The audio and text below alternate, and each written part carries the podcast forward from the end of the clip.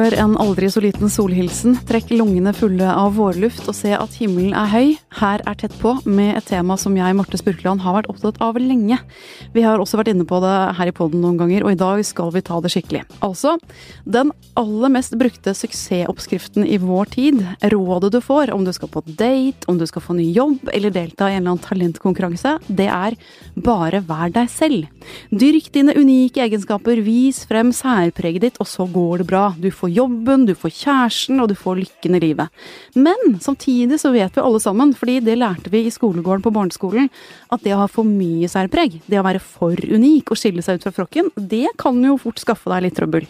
Eh, da kan du ende opp både uten venner og nederst på rangstigen, og ganske så alene.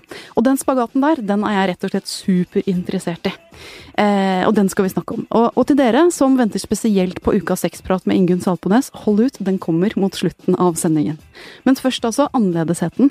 Sumit Singh Patpatia, du er jo her for å hjelpe oss å snakke om den. Ja. Velkommen. Takk, takk. Du er Sikh og jobber som seniorrådgiver i Telenor. Eh, og noen vil huske deg for NRK-serien Loveseek, mm. som gikk i 2012 eller der omkring. Eh, og du er initiativtaker til den årlige turbandagen som nærmer seg nå.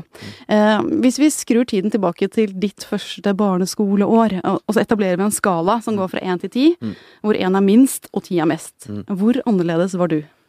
Uh, oi. Uh, altså uh, Egentlig så sånn teoretisk sett, så jeg gikk jo med flett fletter, da. Jeg var gutt, gikk på med fletter, og når jeg gikk i guttegarderoben, ble jeg sendt inn til jentegarderoben, så sånn sett så var jeg jo kanskje eh, altså 20 annerledes. Men tingen er at jeg følte meg andre annerledes, egentlig. Så sånn sett så følte jeg meg helt lik som alle andre eh, på den tida, da. Så både 20 og samtidig 1? Eh, ja. Så sånn snittet, da. Det. En tier på Vi har også med oss en fagperson, eh, Mikael Emanuel Tehera. Du er jo klinisk psykolog, Vokste opp i en liten sørlandsby med mange små hvite trehus. Ja. Hvis vi gjør samme øvelse med deg, tilbake til barneskolen og så en skala fra 1 til 10, eh, hvor, eh, hvor kom du på annerledesheten? Kanskje litt sånn midt på treet. Midt på treet. En klar femmer? Ja, en klar femmer, kanskje. Eh, jeg var jo en, eh, en, gutt som tidlig visste at han var litt annerledes. Han ble forelsket i gutter. Nettopp. Ja. Og det var allerede fra barneskolen? Ja, eller? det var veldig veldig tidlig jeg fant ut det. Uh -huh. så, så, men, men, eh, i motsetning til, til Sumit her, så, så var nok jeg en som forsøkte å passe mer inn. Jeg forsøkte å gjemme meg lite grann, tross for at inni meg så visste jeg at jeg var annerledes. Mm. Jeg, for min del, da, nå som vi deler, jeg vokste opp i en forstad i Oslo hvor det var om å gjøre å ha så store villaer eh, og så fete biler og så skikkelig dyre merkeklær som mulig. Og jeg scoret ganske bra på den annerledesskalaen selv. Jeg vil si minst sju, kanskje en åtter. Bare så det er notert. Eh, men altså, Sumit, eh, du er den første gjesten i denne poden med turban på. Ja. Hvor mye er det du har surret rundt hodet akkurat nå? Eh, akkurat nå så er jeg faktisk akkurat 3,25 meter på huet. Er det det? For det ser ikke så mye ut. Nei, men det er Altså, jeg har egentlig veldig liten turban nå. Mm. Uh, sånn at liksom de ordentlige turbanveteranene mobber jo meg og vil ikke kalle den en ekte turban, for at en ekte turban burde jo være minst 7-8 meter. Men det er faktisk uh, eh, 3,25 meter. Wow. Mm. Uh, du er jo da i et sånt til sengs-intervju som vi har på trykk i VG Helg mm. nå denne lørdagen, hvor du viser hvordan du surrer den på. Hvor lang tid tar det å, å bli kledd for dagen? Ja, altså, det, det, varierer jo litt. Litt sånn ettersom hvor du skal. sånn at hvis du, det er til jobb og du kanskje har noen viktige møter, da må du ha på den ordentlige turbanen, og da må du jo snurre skjegget også ordentlig, da. Og det tar jo da du må jo, Jeg har jo et langt skjegg, fordi jeg har aldri klippet meg. Eh, og da må du jo få det til å sitte stramt, så du må jo liksom dynke det med hårspray, stramme det opp, rulle inn, eh, og så skal du surre på plass turbanen, så da, da bruker du kanskje en time, da, eh, hvis det skal bli bra. En time på å bli klar om morgenen. Ja. Det er mye mer enn meg. Ja, men da blir det skikkelig bra, da. Ja, det, egentlig kan jeg ikke se at skjegget ditt er langt. Altså Nå er det jo ikke en videokast, dette her, men det ser jo helt kort ut. Ja, ja, det, det ser jo helt kort ut, for at jeg brukt, i dag brukte jeg sånn lang tid. Uh, for at jeg bare I dag hadde jeg noen viktige møter på jobben, så det å stramme skjegget skikkelig. Men uh, det man kanskje ser det på, er at når jeg har åpen skjegg, så klarer jeg å smile ordentlig. Mens nå strammer det hver gang jeg smiler litt sånn, så jeg kan smile litt sånn 80 da. Ok. Ja. Så, ja, ja. så, hvis du sier noe morsomt og jeg ikke smiler ordentlig, så er det ikke fordi at det ikke er morsomt. Det er bare fordi at det, det strammer, strammer i sånn. kjaka. Ja. Eh, hvordan kjennes det for deg å ikke ha turban og ikke ha surra skjegget? Um, uh, altså, uh, jeg uh, det, det, høres kanskje rart ut for alle andre som ikke er vant til å gå med det, men når du liksom har dekket hodet og håret hele livet ditt, så blir det jo nesten som å gå med en bukse. Uh, så det, det ville vært for meg som å gå liksom eh, uten bukse da, ute. For at du, du er så vant til å ha det der. Så du, du, du bare er, du føler deg litt naken, da. Uh, så derfor så, ja, du rett og slett litt naken. Og det er derfor det er liksom, det, er det mange ikke forstår, og det er jo naturlige grunner til det, er jo når du f.eks. kommer til liksom sikkerhetskontrollen på Gardermoen, og folk bare ber deg ta den av, så er det jo sånn, det er sykt kleint å drive og ta av seg buksa i offentligheten. Men Og det står der i trusa, liksom. Ja, ikke sant. Eh, Men det er jo vanskelig for andre å forstå, men det er faktisk, det er sånn det føles. Men har du blitt, eller blir du mye stirret på? Er det sånn når du går bortover en gate, så merker du at du får litt flere blikk enn det Ja, ja, ja det er, det er, jeg er veldig vant til det. Jeg tror jeg begynte å merke det først på ungdomsskolen. Eh, og da merket jeg alltid liksom når vi dro steder at folk kanskje pekte på meg, eller folk stirra. Men da ble jeg så irritert. Sånn at jeg husker på T-banen så hadde jeg alltid sånn Vi bodde jo på Bogstad, og så hadde pappa liksom jobbet på Økeren, og så pleide jeg alltid å reise med, med T-banen mellom der. Og da, det var sånn, sånn prosjekt, for jeg visste at nå kommer det til å komme mange som sitter og stirrer på meg. Og da pleide jeg alltid å stirre tilbake. Sånn at hvis jeg catcha noen i å stirre, tenkte jeg vet du hva, jeg er mye flinkere til å stirre enn deg. Så jeg pleide å stirre tilbake. Eh, men så skjønte jeg jo etter hvert at det er naturlige årsaker til at folk stirrer, for at det er ikke så vanlig med dette her, da.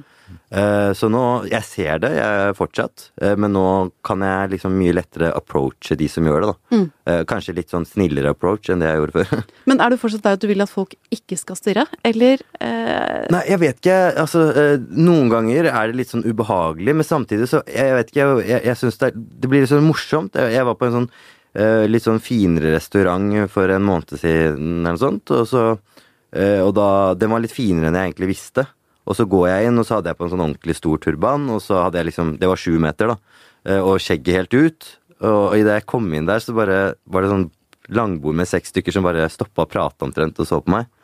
Og da fikk jeg bare sånn ekstremt behov for å liksom bare vise at eh, jeg snakker flytende norsk, da. Så jeg, så jeg, og det, det tenkte jeg ikke på før den jeg satt med og spiste, bare påpekte Du, Smith, hvorfor la du helt om nå? Det var på grunn av de, ikke sant? Så jeg bare ja. ja. Så, så, da, så det skjer jo, men da får jeg eh, kanskje litt sånn Jeg bare får eh, behov for å vise at jeg, selv om jeg ser helt annerledes ut og litt skummel ut, at jeg også ikke er det. Nettopp. Eh, Mikael, altså du som er eh, vår psykologstemme her i dag. Eh, det som eh, Sumit snakker om, det der med at man er hvis man er annerledes, at man bruker mye tid og krefter på å være så lik som mulig. Er, det, er det vanlig? Er det en vanlig strategi for den som opplever at eh, ops, nå skiller jeg meg litt ut? Ja. det er det. Det er jo en gang sånn at vi er vi er jo Du kommer jo fra en kultur også, Sumit, som, som er annerledes enn i hvert fall min. Så tenker jeg, når du, når du snakket om akkurat dette med, med, med restaurantbesøket ditt, så tenker jeg at da du fikk behov for å markere deg Jeg kan snakke norsk. Mm. men det du kanskje egentlig gjorde, var at, eh, var at du på en måte tilpasset deg. Ikke sant? Noe ble ubehagelig i situasjonen, ikke sant? Eh, og så prøvde du å på en måte føye deg litt sånn eh, inn i flokken. Ikke sant? Du prøvde å være litt sånn lik de andre. Ikke sant? Det vi kaller, På mitt språk så kaller vi det konformitet, da. Som er eh, ganske vanlig. Ja. Men hvorfor er det så ubehagelig, eh, Mikael, det der med å kjenne på at jeg er ikke som flokken? Jeg er nødt til å gjøre en operasjon nå for å tilpasse meg. Hvorfor det er ubehagelig? Er det sånn at du som terapeut f.eks. har du folk inne på ditt kontor eh, hvor du merker at den der annerledesheten, shit, jeg skiller meg ut, hvor det ligger i bunnen for ting som man strever med? Ja, det kan det selvfølgelig være. Det er jo en gang sånn at det derre En opplevelse av på en måte kanskje eh, være litt sånn på siden av samfunnet i seg selv, eh, er å være litt annerledes. Og jeg har jo mange av den type eh, pasienter, klienter. Det å ha på en måte kanskje ha en etablert diagnose kan for noen eh, oppleves eh, eh, å være annerledes. Eh, det å på en måte bære, bære den diagnosen kan være vanskelig for noen.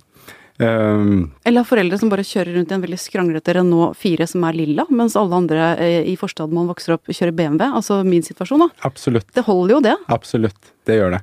Uh, og så er det jo en gang sånn at det, det er jo ikke noe sånn én-til-én-forhold mellom det å på en måte eh, være Oppleve seg selv annerledes og, og psykisk lidelse. Det, det er det ikke. Nei, du, du, må ikke gå ned i den dype Nei, grøfta. det må man Nei, ikke. Det, det er fint, det kan Det må man ikke. Må vi. Men altså, Sumit eh, snakket her, her om at han, altså på denne restaurantopplevelsen, det, du sa noe om at uh, du, du følte at du ble oppfattet som litt skummel. Mm.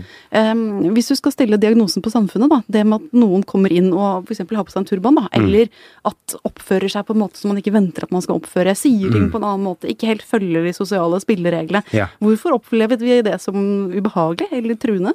Det er klart at vi, vi altså Jeg kommer litt sånn tilbake til kultur, og så tenker jeg litt på jeg tenker på holdningene våre, fordommer.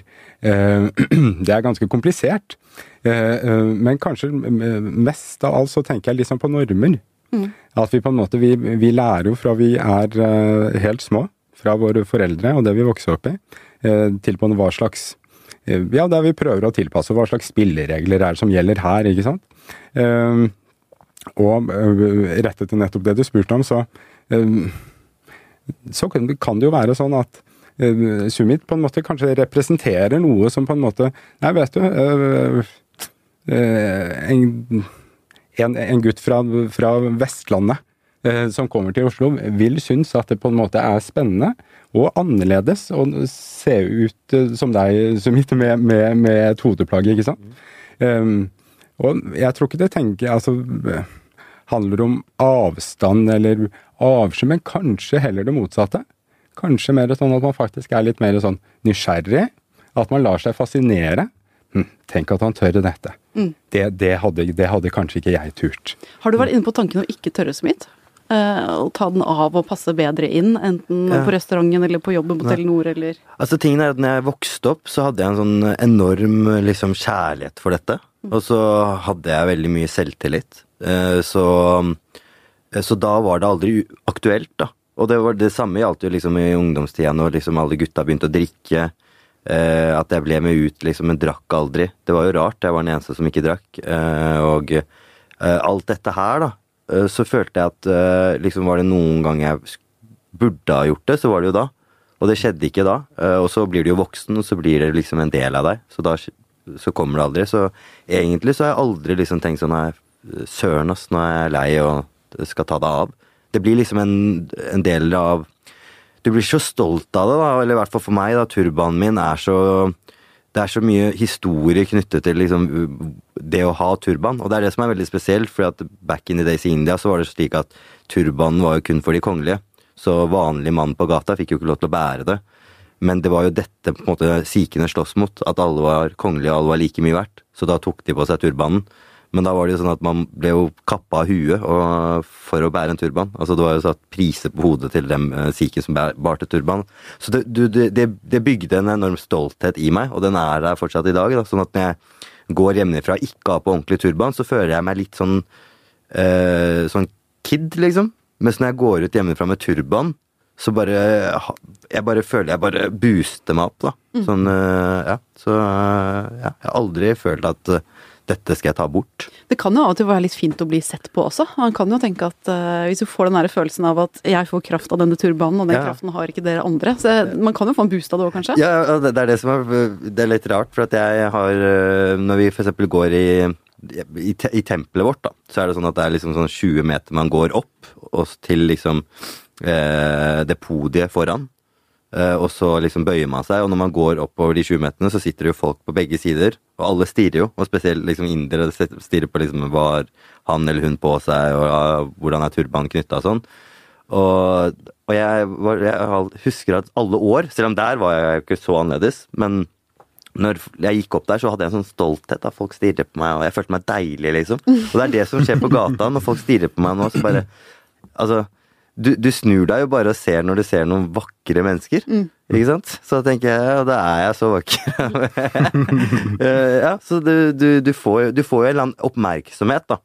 Uh, og så er det jo noen som ikke liker oppmerksomhet. Jeg synes jo, jeg er glad i oppmerksomhet. Uh, selvfølgelig den positive oppmerksomheten. Så det blir liksom Det føles egentlig bare godt. Ja. Eh, Er det en strategi som man bruker også, Mikael? Altså hvis man, hvis man merker at man er annerledes, det er et eller annet med meg som ikke er sånn som med de andre, kan man da ha som plan å fremheve annerledesheten sin enda mer?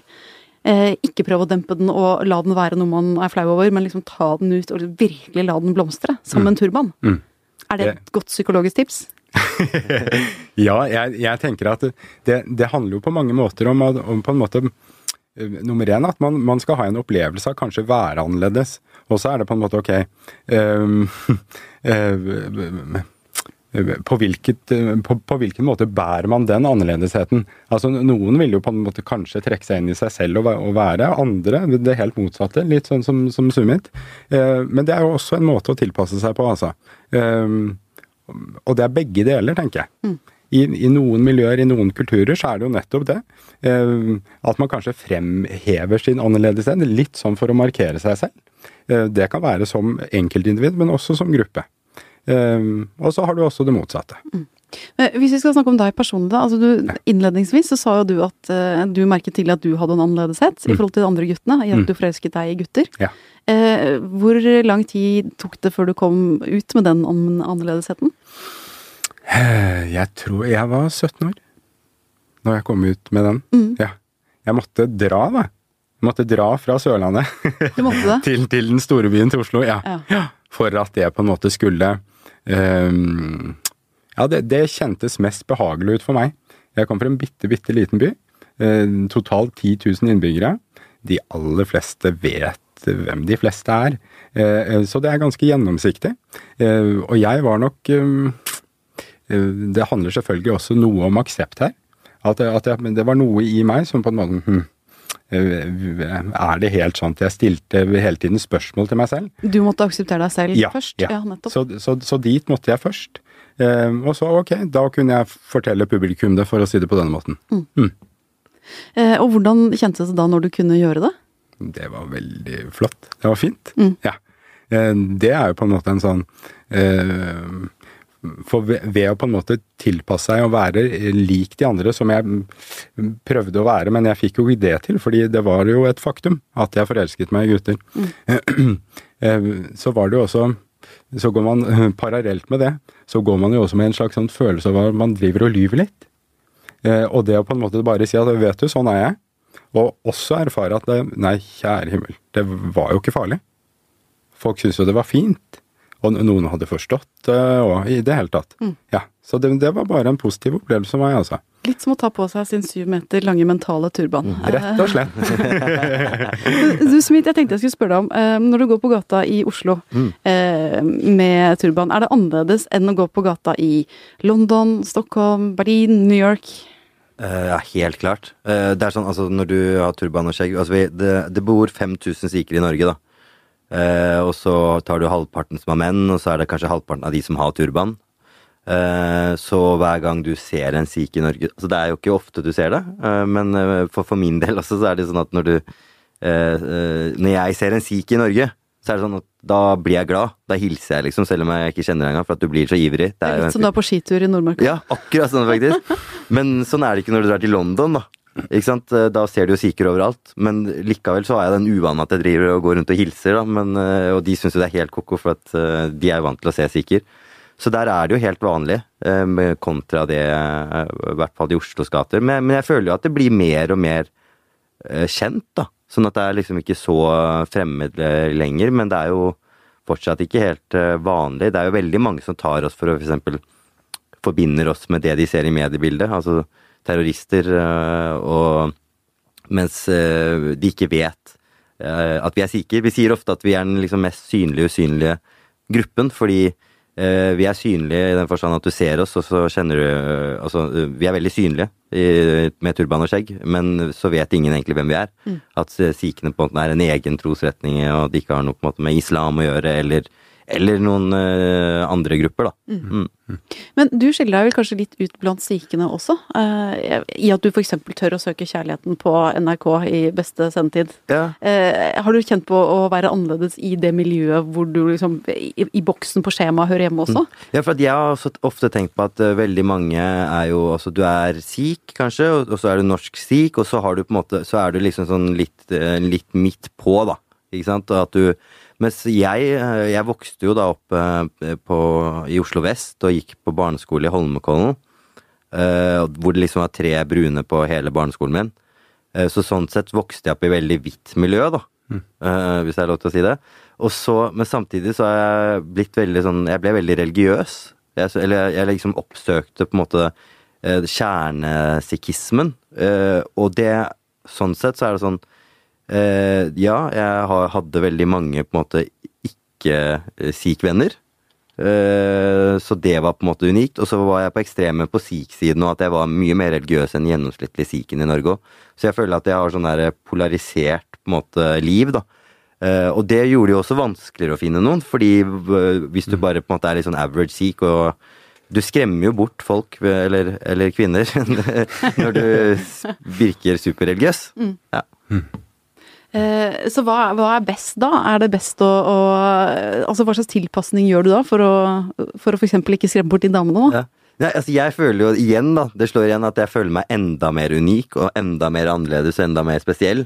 Og så sitter du liksom når du når du, når du har gått mange år og ikke har funnet på en måte, kvinnen, så tenker du sånn bare Ja, men det er fordi at alle andre er så kjedelige. Jeg er bare så sykt spesiell. altså sånn, sånn trøster du deg litt, da. Ja. Eh, hvis vi skal løfte det helt til sånn samfunnsnivå, da, Mikael. Mikael. -hmm. jeg eksempel har noen slektninger som ikke bor i Oslo. Mm. I en mindre by eh, som har fått veldig mange asylsøkere nå. Mm. og en eldre slektning av meg syntes at det var helt sånn forferdelig skummelt med alle disse nye menneskene som skulle komme. Hvordan skulle det gå? Det var oppriktig bekymring der. Eh, så hadde kirken noe sånn arrangement om at alle Litt åpen dag. Sånn at de eldre i byen og asylsøkerne kunne sammen oppsøke samme kirketilstelning. Og da var det ikke noe problem i det hele tatt, for alle disse nye menneskene som kom til kirken, var jo helt utrolig elskelige personer, alle sammen. Så bort med den fremmedfrykten eller rasismen.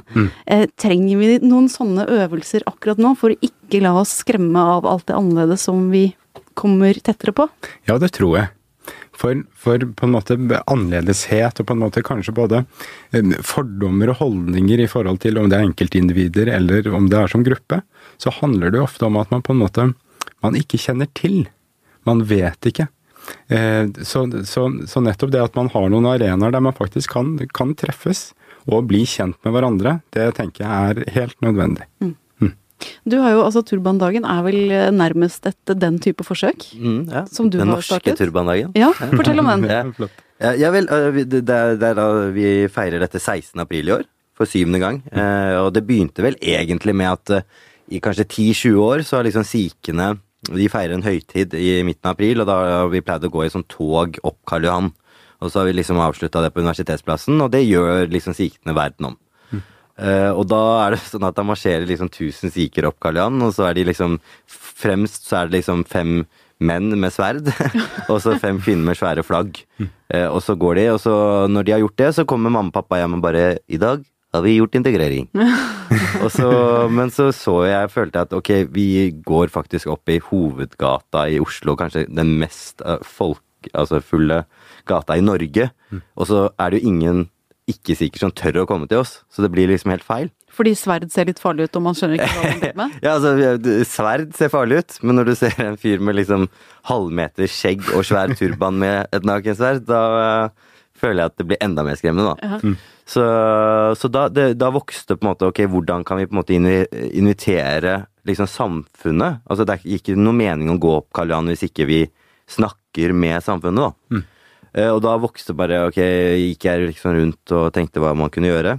Og da hadde jeg samtale med en venn som foreslo Eller han hadde opplevd at i, i Berkeley så hadde de noe som var sånn burkadag eller sånt, hvor man liksom ble kjent med folk med burka, og så fikk jeg tror man fikk låne det en dag og sånt. Eh, Og da bare Søren, hvis vi liksom gir bort turbaner, hvorfor ikke en turbandag? Og så bare, ja, derav så bare ok, den norske turbandagen. Så da begynte vi med det, og så satte vi opp et tre ganger tre meter telt, og så inviterte vi folk til å komme, og så hadde vi 100 turbaner vi klarte å skrape sammen da, på de ukene, og så bare gikk det liksom en halvtime, så var alle turbanene borte. Så da bare fortsatte vi, da. Tok 300 neste år, 500 år etter, 800, 1200, og så har vi de siste årene hatt 2000 hvert, hvert år, da. Eh, og da er det jo slik at folk bare De siste to årene så har det vært eh, regnvær, og altså vi har vært på Rådhusplassen, og det har vært storm, liksom. Regnet har stått sidelengs, og så står folk i to timer i kø, da, for å få denne turbanen. Det kommer liksom 10 000 mennesker for det. Så ja, så det er egentlig turbandagen, eh, og grunnen til at vi på en måte gjør det, er jo da eh, Det er jo en visjon, eller en drøm, om å gjøre Norge til verdens beste land å være annerledes i. Um, og så tenker jeg altså det er veldig mange Jeg har jo ledet uh, unge sikher i 10-12 år. Uh, var med på å grunnlegge det. Uh, og, og, jeg blir liksom invitert på sånn utallige dialogseminarer og konferanser og alt sånt. Og så skal vi snakke om dialog og mangfold og alt sånt, og så får du en film eller presentasjon om det. Men jeg syns jo det er gørr kjedelig. Det gir meg ingenting. Så det på en måte vi sikhene gjorde, var å på en måte ta med oss turbanet, ta med oss alt og bare stikke midt i byen, møte folket på folkets premisser. Mm. Og så må folk stå der da, to timer og snakke med oss, mm. og henge med oss og mm. bli kjent med oss. Og akkurat som Mikael sier, der, der, møter de oss, de blir mm. kjent med oss, og så blir det ufarliggjort, da. Mm. Og da føler jeg at vi treffer liksom den nerven som på en måte ufarliggjør dette med i hvert fall turban og skjegg-annerledesheten. Mm. Jeg tenker at det, det du sier, så vidt, det, det, det, er litt sånn for, for, det du peker på, egentlig, er på en måte litt sånn nærhet og avstand. Mm. Og, og, nettopp det å komme, komme nær, være nær, at de får kjenne på turbanen, ikke at de, de, får føle dette, og også litt sånn um, Ja, de får en anledning til å, å stille spørsmål. Mm. Hva er dette? Ikke sant? Ja, og, ja, ikke sant? og der må du, da. Når det står en gammel onkel Sing eh, mm. på en måte med et hvitt skjegg og snurrer turbanen på deg, da, da, kommer du jo veldig, veldig nært. Ja, ja, ikke sant? Ja, Så det er jo uh, men man kan jo tenke at det er eh, en annerledeshet som består i en turban, er jo på en måte litt sånn grei òg, for da har du noe konkret som du kan prøve på. Mm. Eh, man kan lett gå i dine sko, da, eller gå med din turban, eh, mm. for å gå helt sur i metaforene. Men hvis er, annerledesheten er mer som den som du hadde, Mikael, mer personlig, mm. på, liksom på innsiden, og man ikke tør å mm, leve den ut, hva slags Hva kan man gå glipp av da, eller hva kan du risikere å, å, å miste? Altså, hva skal jeg si, altså, Det er kanskje litt sånn dårlig begrep, men jeg sier det likevel. Altså, det, altså det, jeg har sagt tilpasning tidligere. og, det, og det, handler jo litt om på en måte fleksibilitet. og Man kan rett og slett bli litt sånn overfleksibel. At, at man skal liksom tilpasse seg så innmari. Sånn at, sånn at man rett og slett altså, man mister seg selv litt på veien. Man skal være så, så lik de andre at, at man, man, slett altså man mister seg selv. Man mister en, en, altså seg selv som, som person. Mm. Egen identitet. Hva er da det beste rådet du gir dine klienter som terapeut, når man har en sånn innside annerledeshet som man ikke helt vet hva man skal gjøre med? Det er egentlig kanskje å øh, kanskje fremelske den litt. Eh, bli litt sånn god venn med den. Eh, og, og, rett og slett akseptere det og, og, se det som en sånn særegenhet. Uh, uh, ja, rett og slett som, som en særegenhet. Uh, det er noe som er helt, helt, unikt, og som bare gjelder faktisk for, for, den personen. Mm. Mm. Jeg synes også det, det, det, er litt sånn interessant, fordi at Eller siden du på en måte du går inne med den. Mm. Jeg tenker også det at du vokser opp med sånn tverrkulturell bakgrunn nå, gjør jo at du mm. på en måte er hjemme, så har du liksom eh, noen spilleregler, sånn som mm. du snakket om i stad. Mm. Og så går du ut i samfunnet, så møter du noen andre spilleregler. Så du blir sånn mm. vant til å bli en sånn kameleon, mm. eh, hvor du på en måte er liksom, Du tilpasser deg ulike miljøer hele mm. tiden. Og jeg har egentlig alltid tenkt på det som styrke, da, fordi jeg får sjans til å Jeg forstår liksom mekanismer med å tilpasse seg, da. Mm. Og at du klarer å lese det. Men du har jo rett i at plutselig så bare er du så fleksibel at du egentlig ikke vet helt hva du er. Mm. Mm. Ja, for hvis du kan bøyes i alle retninger, mm. da blir kanskje bøyen litt for stor. Mm. Hvis ikke du er bare en bøyd person, på en måte. kan man si. jeg tror det er ryggrad vi går for. Jeg tror vi skal holde på den. det er jo også en sånn, det du sier også, Sumit, litt sånn det vi kaller på en måte litt sånn det, det mer sånn personlige jeget, og det mer offentlige jeget. Ikke sant? At nettopp at det er en mekanisme i nettopp det å tilpasse seg. Hjemme så er det noen andre spilleregler. Det er kanskje noen øh, ja, mens, mens, ute blant andre så er det no, noen andre regler som gjelder. Mm. Mm. Jeg tror vi skal prøve å oppsummere ved å si at vi i hvert fall stort sett skal være veldig tilbøyelige til å ta på oss vår mentale turban og vise den fram. Mm. Eh, Sumit, et uh, siste spørsmål til deg på slutten her. Du har jo toucha innpå det. Eh, damejakten, som du mm. jo startet på NRK, mm. og som kan være utfordrende noen ganger. Hvordan går det? Eh, vel, altså jeg har funnet drømmedama, da. Eh, så det er jo den gode nyheten. Men så nå jobber jeg bare med at hun skal finne meg. For hun har ikke helt skjønt det ennå? Nei, jeg, jeg, jobber litt med det. Må overbevise onkler og onkel Sing på at eh, jeg er drømmemannen, da. Nettopp. Du må ha veldig lykke til med det. Og tusen takk både til Mikael og til Smith som, eh, som var her og snakket om annerledeshet. Det var litt fint at vi kunne avslutte med kjærlighet, denne bolken her. Fordi inn i studio nå, jeg hører at det rasler papirer og skjørt, kommer Ingunn Saltbones. Velkommen. Tusen takk. Du har rett og slett lyst til å gi eh, våre kvinnelige lyttere en liten oppstrammer, er det slik å forstå? Ja, jeg syns at kvinner generelt bør ta mer ansvar i senga ta mer sexansvar, rett og slett. Ja. Mm. Eh, hva, altså, hva bygger du det på, at kvinner tar ansvar i mindre grad enn menn? Nei, altså Det mine kilder sier, sexologer og familieterapeuter, det er at i parforhold så, så, kommer man faktisk ofte inn i et litt tradisjonelt kjønnsrollemønster, som gjør det sånn at det på en måte blir mannens ansvar å ta initiativ til sex. At det blir liksom en del av pakka, at det er hans jobb. Og så forbeholder hun seg hele tiden retten til å si ja eller nei. Men det mener jeg blir helt feil. Altså her må kvinner eh, skjønne at dette er et delt ansvar, at sexlivet skal fungere og opprettholdes over tid. Så kvinner må i like stor grad Eh, ta initiativ til sex. Men er det litt sånn 50-talls prom queen-følelse på det? Jenter sitter litt sånn på benken inntil veggen og venter på å bli godblunka til, og så eh, Først da kan man hoppe i det? Er vi litt gammeldagse, rett og slett? Ja, jeg vet ikke hvorfor, hvorfor egentlig det er sånn. Kanskje, da, kanskje, det har noe med det å gjøre, for det er jo også Vi skal ikke eh, legge skjul på at det fortsatt er en del sånne gammeldagse forestillinger som ligger til grunn, og som begrenser kvinner på, på ganske mange måter også. At kvinner skal liksom ikke være for eh, preget av lyst og begjær og kåthet. Altså, da er de liksom litt vulgære. Altså, skjønner du? Det er, det er fortsatt noe der. Mm. Eh, kvinner blir fortere litt vulgære enn menn gjør det? Ja, eller i hvert fall sett på som det. sånn at jeg tror kanskje mange kvinner føler også at de må legge litt bånd på seg, da, for å ikke bli sett på som liksom for løsslupne.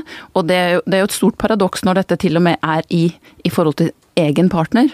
Men altså, hvordan blir sexliv, sexlivet lidende av det? At uh, han må dra lasset og hun skal sitte og vente? Jo, for det første så blir det jo da Han kan jo da veldig lett føle at åh, det, det, er alltid jeg, liksom. Alltid jeg som har lyst. Eh, og hun kan jo også begynne å liksom nøre litt opp under det at å, du har alltid lyst, og ja. Eller du spør meg Eller, aldri, det er jo ja, det òg. Det kan også være det. Så noen kan jo da, hvis de, hvis de ikke tør på en måte på sin side og, og, og så, Men, men vi, i hvert fall hvis det er slik at hun i veldig stor grad forbeholder seg på en måte den retten til å være den overdommeren som sier ja eller nei hele tiden, eh, og hun da veldig ofte sier nei, så vil jo ofte han til slutt bare miste piffen og å gi opp, resignere, gi opp sexlivet litt. Grann. Men dette ansvarstagende, det er ikke bare sånn i starten av sexen? Du mener også at man skal ta litt ansvar for selve det som skjer også under akten? Ja, det er på en måte oppfordring del to. Og det er jo det at det, altså hvis du Selvfølgelig kan man ha litt sånn ren avslapningssex noen ganger, som ikke, som ikke medfører særlig fysisk anstrengelse. Eh, det er jo mulig å finne stillinger osv. Som, som muliggjør det. men eh, ofte så, så, krever det jo faktisk en del fysisk anstrengelse å ha, å ha sex. Eh, du bør jo ha Jeg vil jo si det. Du bør av og til ha sex som krever litt fysisk anstrengelse og utholdenhet. Og der òg tror jeg også at en del kvinner legger seg litt godt til rette og, og liksom forventer at han skal stå for jobbinga, da. Mm. Så der òg tenker jeg at hun må ta mer ansvar. Man må dele litt mer på den, den fysiske biten av det. Ja, Så kropp i bevegelse, ikke bare på treningsstudio, også hjemme i senga. Ja, absolutt. Det syns jeg var et herlig treningstips. Og til du dame, som jeg av og til ser på den tredemøllen ved siden av meg om morgenen, løp hjem. Eh, og ta heller morgenenergien ut på annet vis. Og så må vi jo også legge til, da. Vi må legge til eh, at eh, selvfølgelig så er det også menn som tar for lite initiativ. Og, og hvor hun har mer lyst enn han. Så, så, de finnes også. Så poenget her er jo at man må ta ansvar begge to for at man skal ha et godt sexliv over tid. Mm. Vi setter to streker under den. Tusen takk, Ingunn Saltbones. Og til vår produsent Magne Antonsen.